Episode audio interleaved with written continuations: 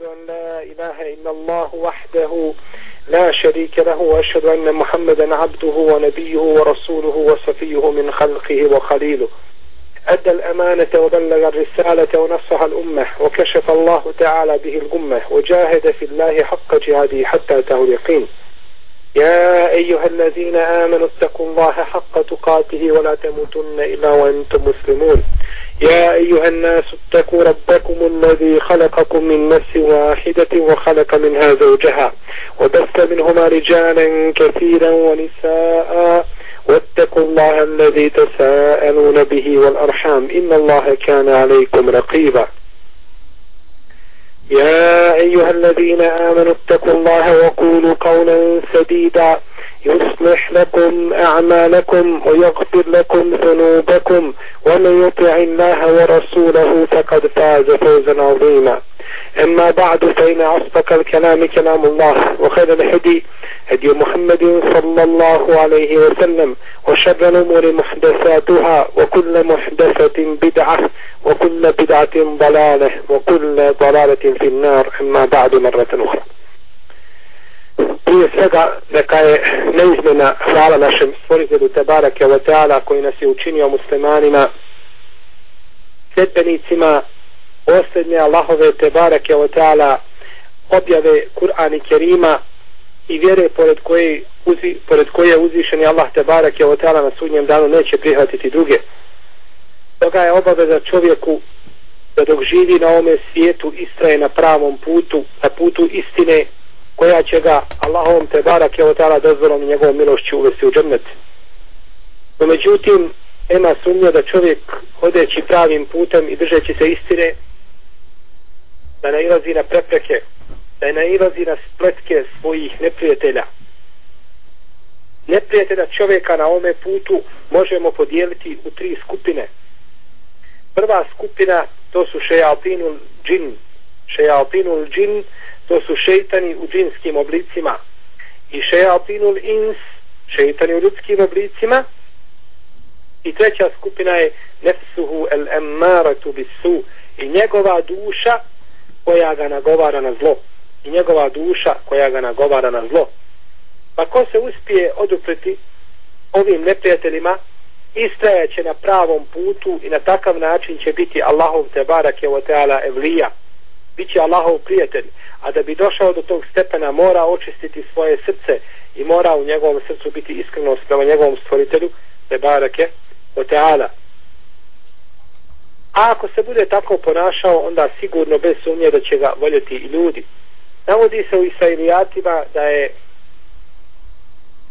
da je šeitan alaihi na'ainullah pitan da li je ikada ikoga zavolio od ljudi. Pa je kazao jesam, zavolio sam jednog čovjeka. Pa su ga upitali a koga to? Kaže zavolio sam Musa alaihissalam Musa alaihissalam Allahov te barake o ta'ala poslanika pa, pa je upitan zbog čega kaže zato što je uzvišen je Allah azza wa jalla rekao وَالْقَيْتُ عَلَيْكَ مَحَبَّةً مِنِّي وَلِتُسْنَعَ عَلَى عَيْنِي i ja učenih da tebe ljudi vole učenih te dragim u ljudskim srcima pa je uzvišen je Allah te barake o ta'ala učinio Musa dragim svim stvorenjima pa čak ga je i šeitan na kraju krajeva morao zavoljeti morao ga i šeitan zavoljeti i nije se mogao odupriti tome. Pa to je Allahova te barak je otala milost. Kada čovjek istaje na pravom putu onda ga svi vole i svi ga cijene.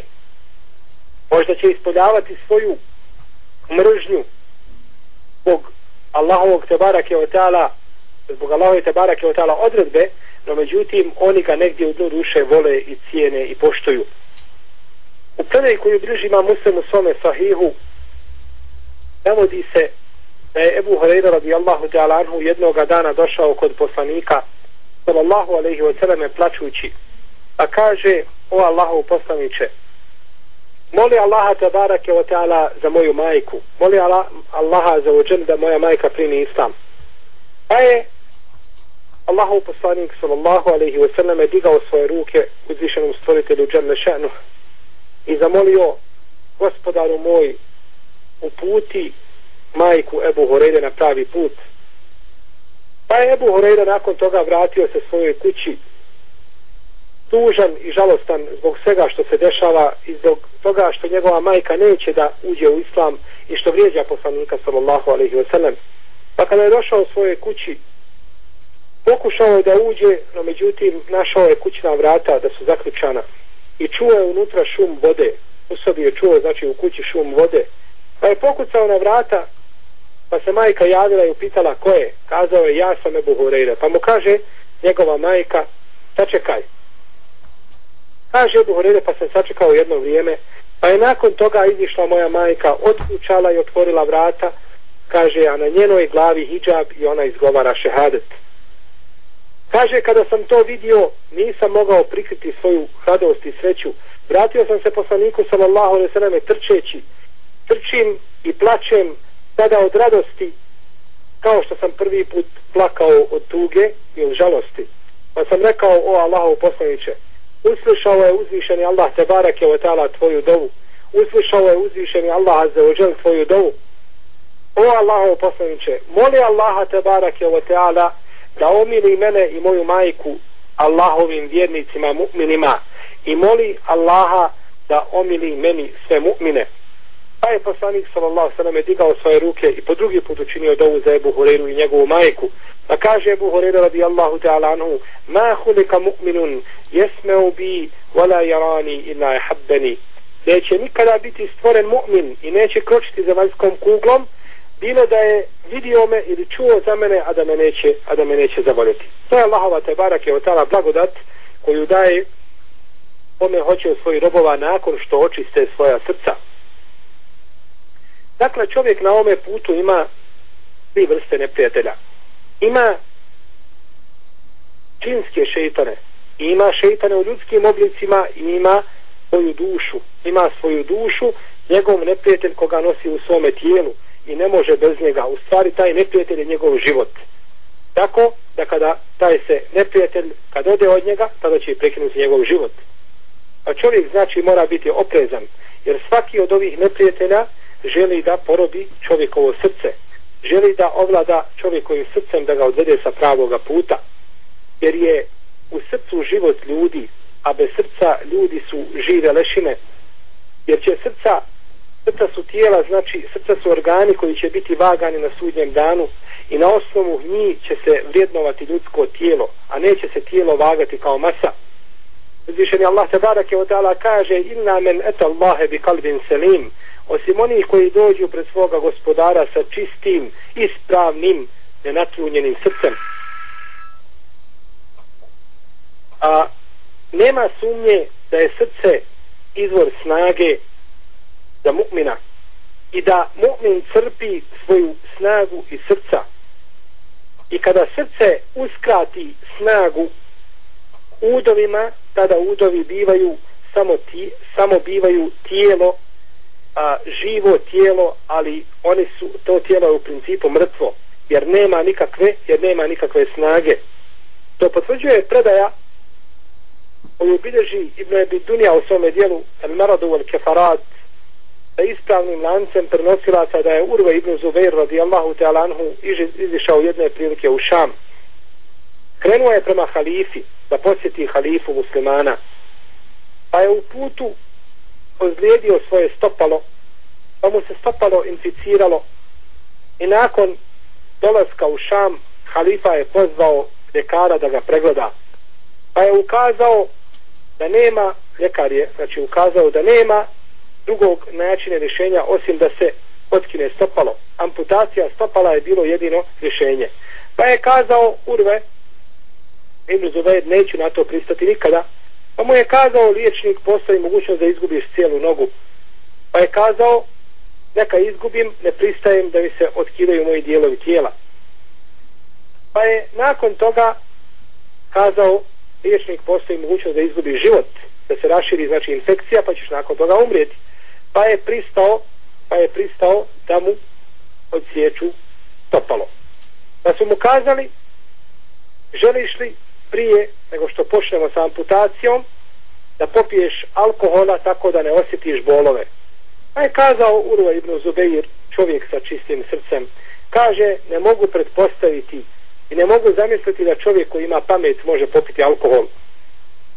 pa mu kažu ka, šta ćemo činiti kaže ja ću stati u namaz a vi jedite moje stopalo pa je stao radi Allahu ta'ala anhu u namaz nakon toga su počeli sa odsjecanjem stopala odsjekli su mu stopalo a Urva ibn Zuberi se nije pomirio sa mjesta nije se pomirio sa mjesta jednostavno iz razloga što je u tom momentu srce zabranilo bilo kakvu snagu i bilo kakav kuvat udovima tijela. Srce je svu svoju snagu i svu energiju koju posjeduje usmjerilo ka Allahu te barake o teala, ka njegovom licu, a za pa nakon toga nije ostalo, ono baš nimalo snage za, za udove. Pa su nakon toga mogli sjeći njegove udove, a on ne bi osjetio to, jer je srce zabranilo, zabranilo je u snagu. I to potvrđuje također predaje koji bilježi imam Buharija u svome sahihu.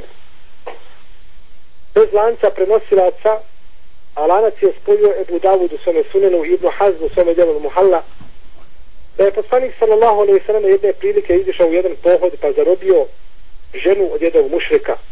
Pa se taj mušrik zavjetovao i zarekao i zakleo da će politi krva shaba poslanika sallallahu alaihi sallam. Pa je pratio Allahovog poslanika i njegove ashabe dok nisu odsjeli na jednom mjestu, unogorili se da tu prenoće. Pa je poslanik sallallahu alaihi sallam odredio dvojicu ashaba, muhađira i ansariju koji će čuvati stražu, dok ashabi budu spavali. Pa je prvi dio noći bio muhađir na straži, a Ensarija je lekao da spava dok ne dođe njegovo vrijeme požarenja. Kada je ostao muhađir sam, stao je u namaz stao je u namaz da klanja. Pa je mušek prišao blizu njega i pogodio ga strelom. No međutim, ovaj sashab nije pomirio nikuda. Pa je prišao mu, mušik iza njegovi leđa, iščupao strelu, pa se odmaknuo, pa ga ponovo drugi put pogodio. Pa se opet nije pomirio nikuda. I tako par puta. Desilo se tako par puta. Nakon toga čuli su ashabi nekakve šumove, pa su se probudili, pa su vidjeli šta se dešava, pa su ga upitali, Allah ti se smilao, zbog čega nas nisi probudio? Pa je kazao, tako mi Allaha mrzio sam da prekidam, mrzio sam da prekidam namaz. Pogledajte ovoga časnog ashaba, on nije osjetio udarce strele i nije osjetio strelu koja ga je probadala jednostavno što je srce tada bilo zaposleno nečim drugim. Bilo je zaposleno onim što je kod njih bilo veće i vrijednije i značajnije. Znači, srce je organ ili meta svih ovih neprijatelja. Svi oni nastoje da ovladaju ljudskim srcem. Jer je ljudsko srce tijelo, jer je ljudsko srce, kako kažu islamski učenjaci, melikul beden. Ono je kralj tijela. Tako da neće ruka ništa učiniti, niti će noga nikuda kročiti, niti će uho išta čuti, niti jezik kazati, niti oko pogledati, osim ako srce dozvoli. Znači, kada srce dade dozvolu da nedozvoljen čin tada ga čini što ukazuje znači da je to srce bolesno da ga treba liječiti jer kada je srce zdravo bit će zdravi i drugi organi tijela kako je kazao naš poslanik sallallahu alaihi wa alaihi wa sallame toga čovjek šta god da ga pogodi na ome svijetu od nedaća i nevolja ne treba da krivi nikoga nego samoga sebe to je posljedica njegovih loših dijela koja čini Uzvišeni Allah te barak je o teala kaže وقالت اليهود والنصارى نحن ابناء الله واحباؤه قل فلم يعذبكم بذنوبكم بل انتم بشر من من خلق يغفر لمن يشاء ويعذب من يشاء i govore židovi i kršćani mi smo Allahova djeca i njegovi miljenici pa im uzvišeni Allah te barak je od tala odgovara i kaže reci o Muhammede zbog čega vas vaš gospodar kažnjava zbog grijeha koje činite ako istinu govorite zbog čega vas onda kažnjava Ne, nego vas kažnjava zbog grijeha koje činite. I kaže uzvišeni se demdeme alejhim rabbuhum bi zembihim. I njih njihov gospodar uništi zbog grijeha koje su činili. Kaže uzvišeni se de'bi ali fir'auna wal ladine min qablihim. Kezzabu bi ajatina fa ahazahum Allahu bi zunubihim. Allahu šedidu lajkab. Kao primjer porodice faraonove. Poricali su naše ajete, pa ih je uzvišeni Allah kaznio zbog njihovih loših dijela koje su činili njihovih grijeha. Znači, sve što čovjek sve što čovjeka snađe na ovoj zemlji bila posljedica njegovih loših dijela koja čini bilo svojim udovima ili svojim jezikom ili svojim, ili svojim srcem. Znači, čovjeku bi bilo najbolje kada bi bio bezgrešan, kada bi bio poput meleka, pa da ne griješi. To bi mu bilo znači najbolje i najčišće po njega. No međutim, nemoguće je da čovjek bude bezgrešan i da ne griješi. Jer je naš poslanik sallallahu alaihi wasallam rekao u hadisu koga bilež imam Tirmizi ibn Mađe, imam Edarni od Anesa ibn Malika, radi Allahu ta'ala anhu, ulubni Adame Habba, u kharil Hatta'ine etawabun, svaki sin Adama griješi, a najbolji griješnici su oni koji se kaju. Znači, značenje ovoga hadisa jeste da čovjek nije bezgriješan. I koliko god stio i koliko god brižan bio da ne upadne u, u grije, upadaće u grije. I to je neminovno. I to je priroda čovjeka. Ako je takva situacija, šta onda čovjek da čini? Postavlja se pitanje šta čovjek da radi, kako da postupa. Kažemo, čovjeku je dužnost da uspostavi obudijet. Da uspostavi obudijet, da obožava svoga stvoritelja te barake je otara iskreno, a kada upade u grijeh da požuri sa pokajanjem i da se vrati svome stvoritelju, a za vođelu Uzvišeni Allah te barak je otala govoreći nam šta to znači obudijet, šta to znači iskreno obožavati Allaha te barak je otala i ispoljavati vjeru na iskren način. Kaže وربك يخلق ما يشاء ويختار ما كان لهم الخيرة tvoj gospodar stvara šta želi i odabira a oni nemaju pravo izbora i kaže uzvišeni وما كان لمؤمن ولا مؤمنة إذا قضى الله ورسوله أمرا أن يكون لهم الخيرة من أمرهم i nema pravo ni vjernik ni vjernica kada uzvišeni Allah te barake od tala i njegov poslanik sallallahu alaihi sallam nešto odrede da oni imaju pravo izbora. Ma kane lahumul khiyara nemaju oni. Nemaju oni pravo izbora. Znači dužni su da se pokore dužni su da se pokore, pokore Allahu te barake o teala i poslaniku za osanem na najpotpuniji način. Imam tirmizi bliži u svome sunenu jebu jala i tabarani i drugi sa dobrim lancem prenosilaca da je poslanik sallallahu alaihi wasallame poklonio Ebul Hejsemu Elensariju jednog groba. I kazao mu osteu si bihi ma'rufa. Osteu si bihi ma'rufa. Znači budi prema njemu dobar i budi pažljiv. Čini mu dobročinstvo. Osteu si bihi ma'rufa. I čini mu dobročinstvo. Pa je poslanik sallallahu sallame znači poklonio ovoga roba pa je otišao sa tim robom svojoj kući. Kada je došao kući, njegova se porodica jako obradovala zbog tog roba, Jer je rob u to vrijeme bilo znači, koristan metak i s druge strane pomagali su znači, porodici u svakodnevnim poslovima. Pa je kazao svojoj ženi doveo sam ti roba. Pa kaže, rekao je poslanik Salosanem da se prema njemu lijepo ophodim i da mu činim dobročinstvo. Pa kaže, hranit ćemo ga onim čime se mi hranimo i odjevat ćemo ga onim što mi oblačimo. Pa je kazao ono, međutim, poslanik sallallahu alaihi sallam kaže da mu čini dobročinstvo. Pa je žena pokušala opet naći nekakva obrazloženja kako da mu se čini dobročinstvo. Pa je rekao, Allahov poslanik sallallahu alaihi sallam je savjetovao da mu čini dobročinstvo. Idi ti si slobodan radi Allahovog lica. Pa ga je oslobodio vidimo kako je Ebul Hejsem al Ansari ovdje razumio riječi poslanika sallallahu alaihi wasallame i čini mu dobročinstvo. Nema sumnje da Allahu poslanik sallallahu alaihi wasallame nije ciljao i nije namjeravao i nije htio od Ebul Hejsema da ga pusti nego da ga zadrži u protivno ne bude ga ni davao nikako. No međutim, pogledajte kako je ovaj Asab na najpotpuniji, na najmogući potpuniji način razumio, znači, razumio riječi poslanika sallallahu alaihi wa alaihi wa sallame. I to su pravi, iskreni Allahovi te barake, o te ala robovi. A nema za čovjeka na ovoj zemlji nema za njega trećeg naziva i nema za njega veće hajda od toga da bude rob svome stvoritelju te barake otala rob je najveća stepen najveći stepen i najveća deređa koju čovjek može dobiti na ovoj zemlji. Zato uzvišeni Allah te barake otala u Kur'anu mnoge svoje poslanike naziva robovima.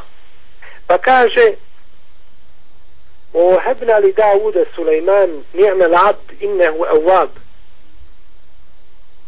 I mi dado smo Davudu Sulejmana, lijep li on rob, on se Allahu puno vraćao, lijep li on rob, to jeste Sulejman. Ispir ala ma je kununa vozkur abdena Daude zel ejdi innehu evab.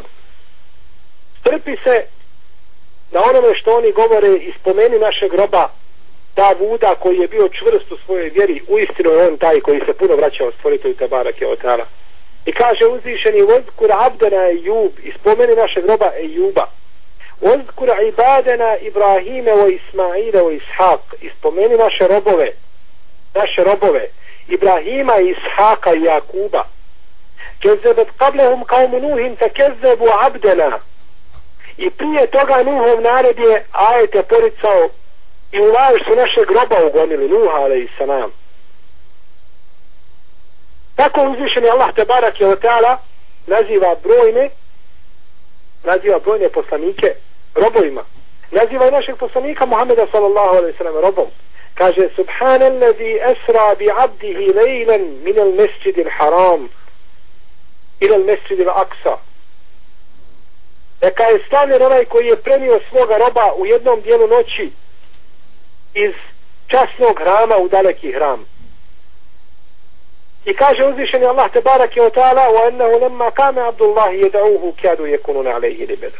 I kada je ustao Allahov rob da mu se pomoli oni se oko njega u gomilama sadoše tiskati. Znači spominje uzvišeni Allah te barak je tada skupinu poslanika. a ovo su samo neki koji su spomenuti u Kur'anu ovim imenom da su robovi. Da su robovi. Pa čovjek znači kada je rob to je za njega to je za njega najveća odlika i to je za njega najljepši naziv koji može biti.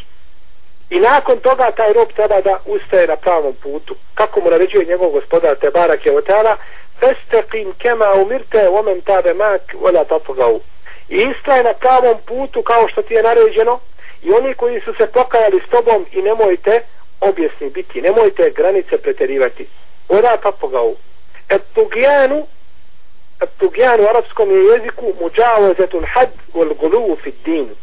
To je preterivanje u vjeri i prelaženje granica, što je pogrdno. Kao što je nedotjerivanje u vjeri pogrdno, tako je i pretjerivanje pogrdno. Kaže, u, u predaji Ibnu Hibana, Ibnu Huzeyme se navodi od Enesa ibn Mali, kada je poslanik sallallahu alaihi sallam ušao u džamiju, pa vidio jedan konopac koji je privezan između dva stuba. Pa je rekao šta je ovo, pa su rekli to je Zejneba, privezala sebi konopac, klanja, pa kada se umori, onda se uhvati za konopac i nastavi svoj namaz. Pa je rekao poslanik sallallahu alaihi sallam, hudluh, odvežite ga, odvežite taj konopac, kaže neka neko od vas klanja dok ima snage, a nakon toga neka sjede i neka se odmori. Pa nije poslanik sallallahu alejhi ve dozvolio da se pretjeriva i da čovjek, sebe čovjek opterećuje onim što ne može, onim što ne može izdržati. Pa su s te strane zalutale neke islamske sekte kao što su Karidžije.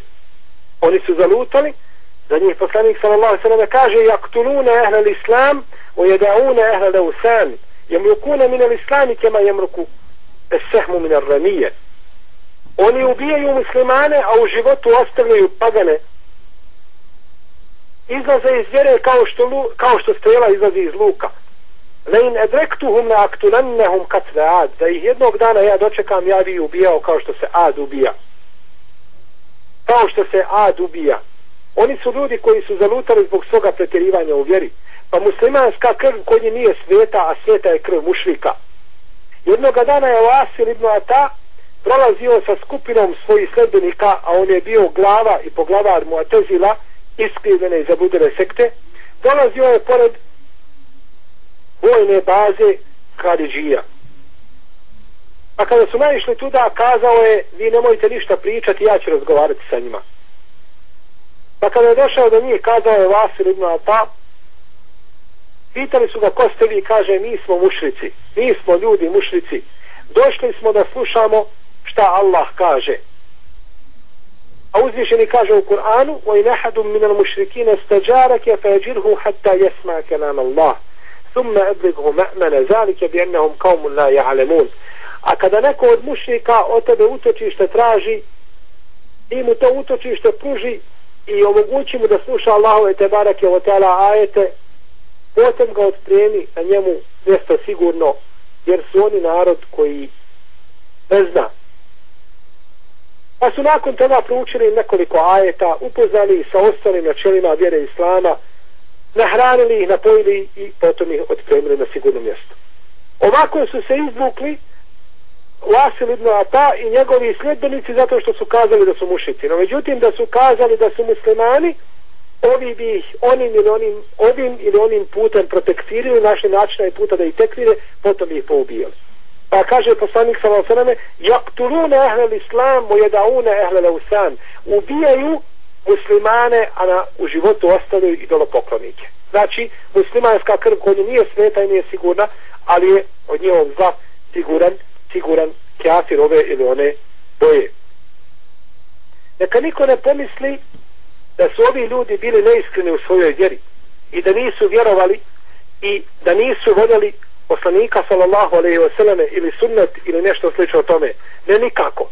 Ovi su ljudi bili muslimani pa bili su muslimani na stepenu da kaže poslanik sallallahu alaihi wasallam ashabima jahqiru ahadukum salatahuma salatihim o sijamahuma sijamihim kaže neko od vas svoj namaz smatra mizernim pred namazom jednog od njih. I svoj post pred postom jednom, jednog od njih. Yakrauna al-Kur'ane la yujawizu taraqiyahum oni uče Kur'an ali taj Kur'an ne prelazi preko njihovih ključnih kostiju. Znači oni su bili ljudi koji su postili namaz obavljali i da su mnogi ashabi svoj namaz smatrali mizernim odnosu na njihov. A međutim pogledajte šta znači kada čovjek odstupi od upute poslanika sallallahu alaihi sallam kako zaluta sa pravog puta i kako skrene sa pravoga kako skrene sa pravoga puta pa je pretjerivanje u vjeri velika stvar. I jako opasna stvar. A mi muslimani ponekad činimo stvari, kako je rekao Enes ibn Malik, innakum la ta'maluna amala hije fi ajunikum min ash-shar. وإن كنا نعودها على عهد النبي صلى الله عليه وسلم من الكبائر kebair. Vi činite stvari koje su u vašim očima tanje od lake, smatrate ih mizernim i bezvrijednim, a mi smo takve postupke u vrijeme poslanika sallallahu alaihi sallam ubrajali u velike grijehe. Pa tako mi danas činimo mnoge stvari, a naći ćemo naš selef da je mnoge od tih stvari smatrao velikim stvarima i velikim grijesima. Navode autori biografija da je Davud Epai jednoga dana primio skupinu svojih poznanika u goste koji su mu došli da ga posjete. Pa je jedan od njih ušao i kazao mu o Davude ima jedna greda na tvome plafonu koja je pukla. Oštećena je. Pa je kazao Davud, Epai rahmetullahi alejh, kaže subhanallah, vallahi kaže ja živim u ovoj kući 20 godina i nikada nisam svoj pogled digao prema prema nebu, odnosno prema plafonu iz stida prema Allahu te barak ta'ala. A ti si prvi put ušao u moju kuću i tako si nešto učinio. Pogledajmo šta znači iman i šta znači vjerovanje i šta znači čisto srce. Da se čovjek stidi svoga gospodara za uđer da digne, da digne glavu prema nebu. To je najpotpuniji vid imana koji može biti kod čovjeka.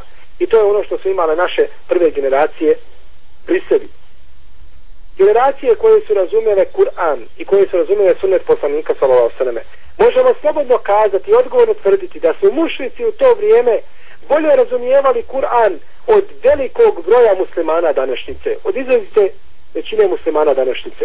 Imam Buharija bilježi u svome sahihu od Džubejla ibn Mutama kaže ušao sam jednoga dana u džamiju kada je poslanik sallallahu alaihi sallam je klanjao akšam namaz.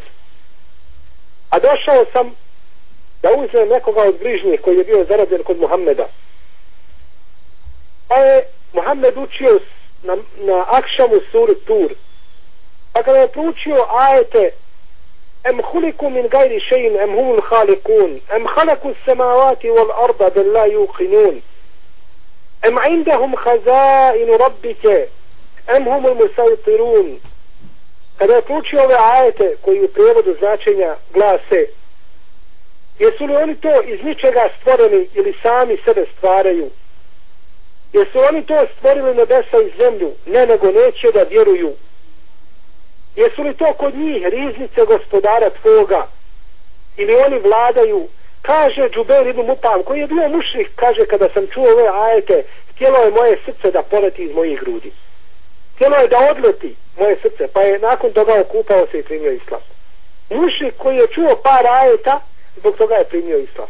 Pa ko onda bolje razumije ajete Allaha te barake od. Muslimani, mnogi muslimani koji godinama i desetinama godina slušaju Allaha te barake od ajete i ne mijenjaju se, ili mušici koji su zbog jednog ili zbog par ajeta promijenili svoju vjeru, pa ostavili vjeru svojih predaka koja je u to vrijeme a, a taj postupak u to vrijeme je bio najveća samota po njih da neko ostaje vjeru svojih predaka i da uđe u Muhammedovu vjeru sallallahu alaihi wa rasulallah pa je znači generacija selefa generacija koja je najbolje razumjela Allahove tebarak je otala ajete. Bili su svjesni njihovih značenja. Bili su svjesni Allahovi tebarak je otala blagodati kojim je obdario čovjeka. Uzvišeni stvoritelj Tabarak je otala je takvim blagodatima obdario čovjeka da bi čovjek bez razmišljanja trebao biti pokoran tome stvoritelju Azza u džel. Pogledajte našeg gospodara Tabarak je otala koji nam spusta vodu, čistu vodu sa neba. Kaže uzvišeni, o مِنَ السَّمَاءِ مَاً طَهُورًا tahura i mi vam iz neba čistu vodu spuštamo. Iz neba vam čistu vodu spuštamo. Što mislite da uzvišeni Allah te barak je otala samo jedan dan zabrani ljudima vodu i da im ne da vode? Ili da ih ostavi bez vode općenito? Čovjeku kada nestane vode jedan dan u njegovoj kući, okreće se lijevo desno po cijeli dan, niti može kuhati, niti može prati, niti može napiti se, niti bilo što drugo raditi. Samo jedan dan kada nema vode. Musibet. A šta mislite da uzvišeni Allah te barak od tada zabrani svojim robovima vodu? a on im čistu vodu sa neba spušta i daje. No međutim, ponekad uskrati nekome od svojih stvorenja tu vodu zbog njihove nepokornosti. Kaže Ibn Abbas u predaj koju bliži Ibn Đerir imam hakim u svome mustadreku sa ispravnim lancem prenoslaca kako tvrdi šejh El Albani, rahmetullahi alej. Količina padavina svake godine je ista. Količina padavina svake godine je ista samo uzvišeni Allah barak je otala jednom da ovim ljudima kišu a drugi onima shodno njihovoj pokornosti shodno njihovoj dobroti shodno njihovom držanju za vjeru a kaže al hakem ibn Ujejne kako se navodi u prethodnim izvorima kaže a kada su ljudi nepokorni onda uzvišeni Allah te barak je otala da da ta kiša pada po moru da kiša pada po moru i da kisnu ribe a neće uzvišeni da je da ljudima zato što su mu zato što su mu nepokorni. Pa znači, put i način za rješenje naše situacije jeste da čovjek bude pokoran svome stvoritelju te barake tala i da se drži suneta poslanika sallallahu alaihi wa sallame, jer nema drugog načina i drugog puta da dođe do Allahovog te barake otala zadovoljstva. I da se mane svih onih koji ga nagovaraju da suprotno onome što objavio uzvišeni Allah te barake otala. Jer na takav način može istajati sa pravom putu. Kogod da mu kaže suprotno onome što je rekao uzvišeni neka zna da je to šeitan ili u ljudskom ili u džinskom obliku. Hoće da ga odvede sa pravoga puta, a on mora istrajati. Kada je uzvišeni Allah te barake od tada objavio ajetu kome kaže حرمت عليكم الميتة والدم ولحم الخنزير وما أهل لغير الله به. والمنخرقة والموقوذة والمتردية والنطيحة وما أكل السبع. الآية. زبرانيو يامسا prv i krv i svinsko meso i ono što je zaklano u drugom ima Allahovog tebara keotala imena wal وهرمت عليكم الميتة والدم ولحم الخنزير وما أهل لغير الله به والمنخنقة والموقوزة والمتردية والنطيحة. الخنقة جوتية ويا السامة. ودادة الموقوزة تجوتية ويا إذا بينا تفردين بريدمتو المتردية تجوتية ويا سستوالي سبرده En piha, to je životinja koja druga, koju druga probode sa svojim rogom. Znači ove četiri vrste ovdje uzvišen zabranio, pored prethodno tri spomenute i nakon toga zabranio ono što su divljači, e, jele i tako dalje. U svakom slučaju kada je ovaj ajta objavljen, kazali su mušici muslimanima, o muslimani. Vi kada ubijete neku životinju, tada je jedete. A ono što uzvišen je Allah ubije, to nećete da jedete. Kako to? Kakva su to mjerila i kakvi su to kriteriji? Hoće da ubace šupu, hoće muslimane da odvedu sa pravog puta.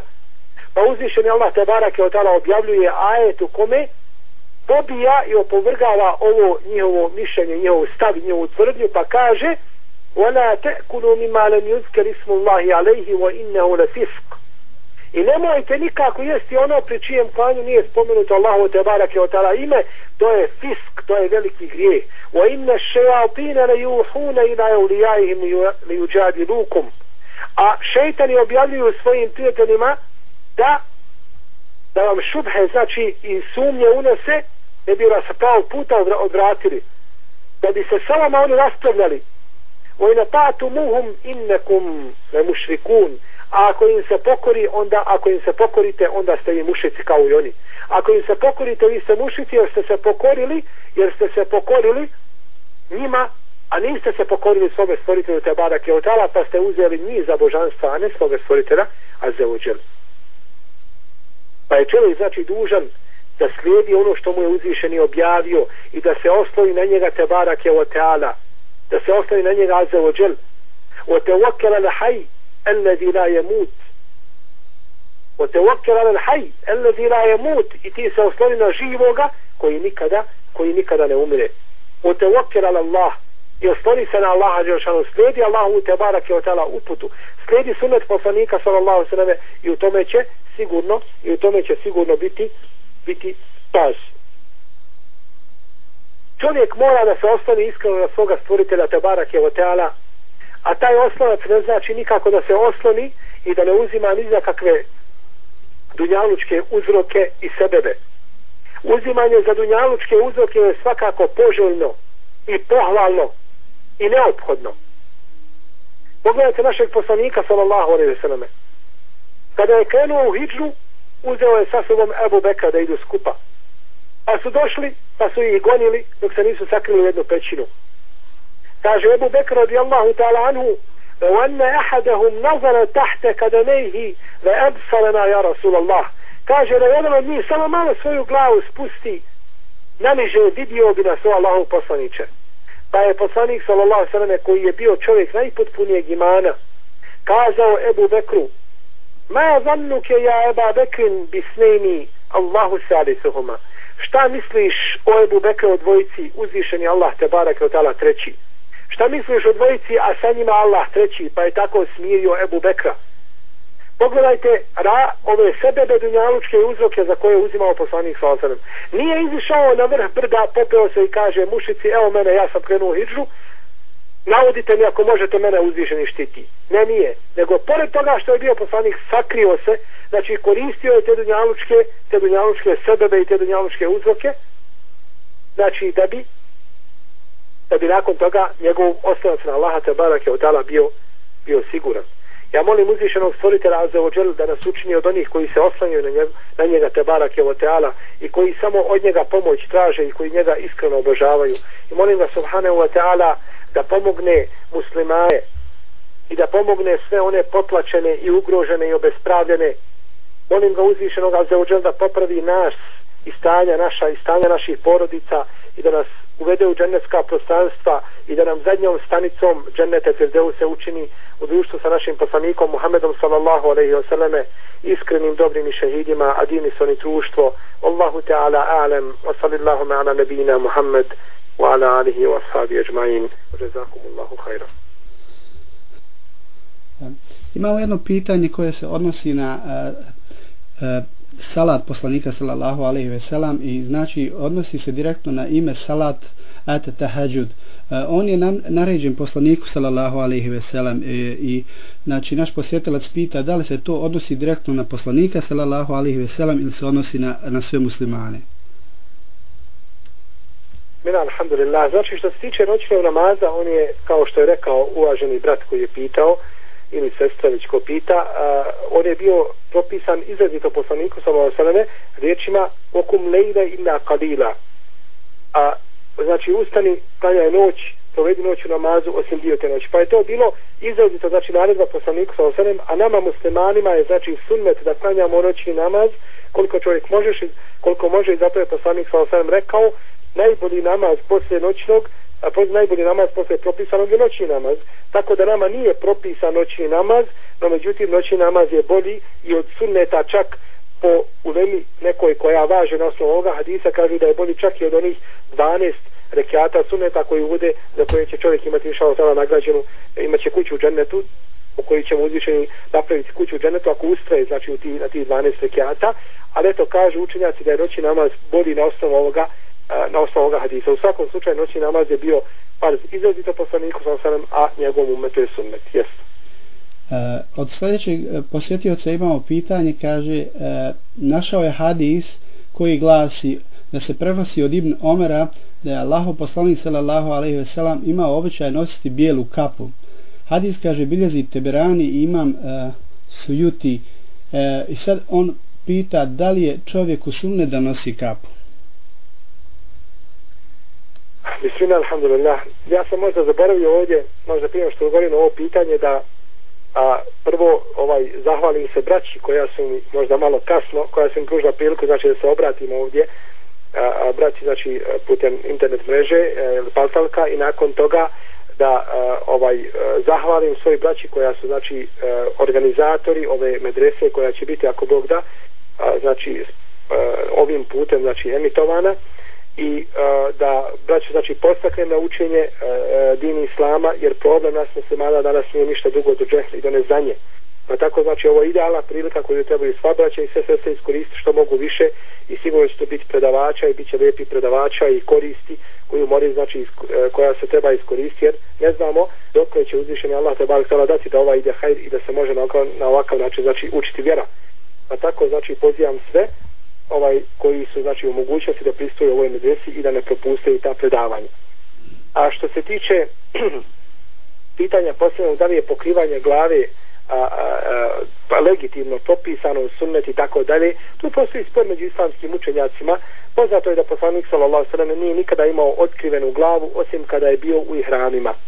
Samo kada je imao u ihramima imao je otkrivenu glavu jer ne može čovjek, znači dok je muharim, ne može imati pokrivenu glavu ničim osim da jedino kišobran stavi nešto tako, a ne može pokriti nešto što znači bide, biva prilepljeno uz glavu. U protivnom poslanik sa osam uvijek imao znači kapu na glavi. I bileži imam, bileži imam Tahawi u svom dijelu Šerhul Muškil da ispravni lance prenoskalca da jednoga dana vidio da jednoga dana vidio a, Nafiju da je stao u namaz bez kape. Pa mu kaže Ibn Omar, a Nafija bio njegov sluga, pa mu kaže Ibn Omar, zbog šta hoćeš da radiš? Kaže, želim da klanjam. Kaže, bez kape, kaže da. Kaže, kada bi pošao na pijecu, bili išao bez kape? Kaže, nikako. Kaže, fallahu je haku e i. Kaže, Allah je preči da mu se uljepšaš.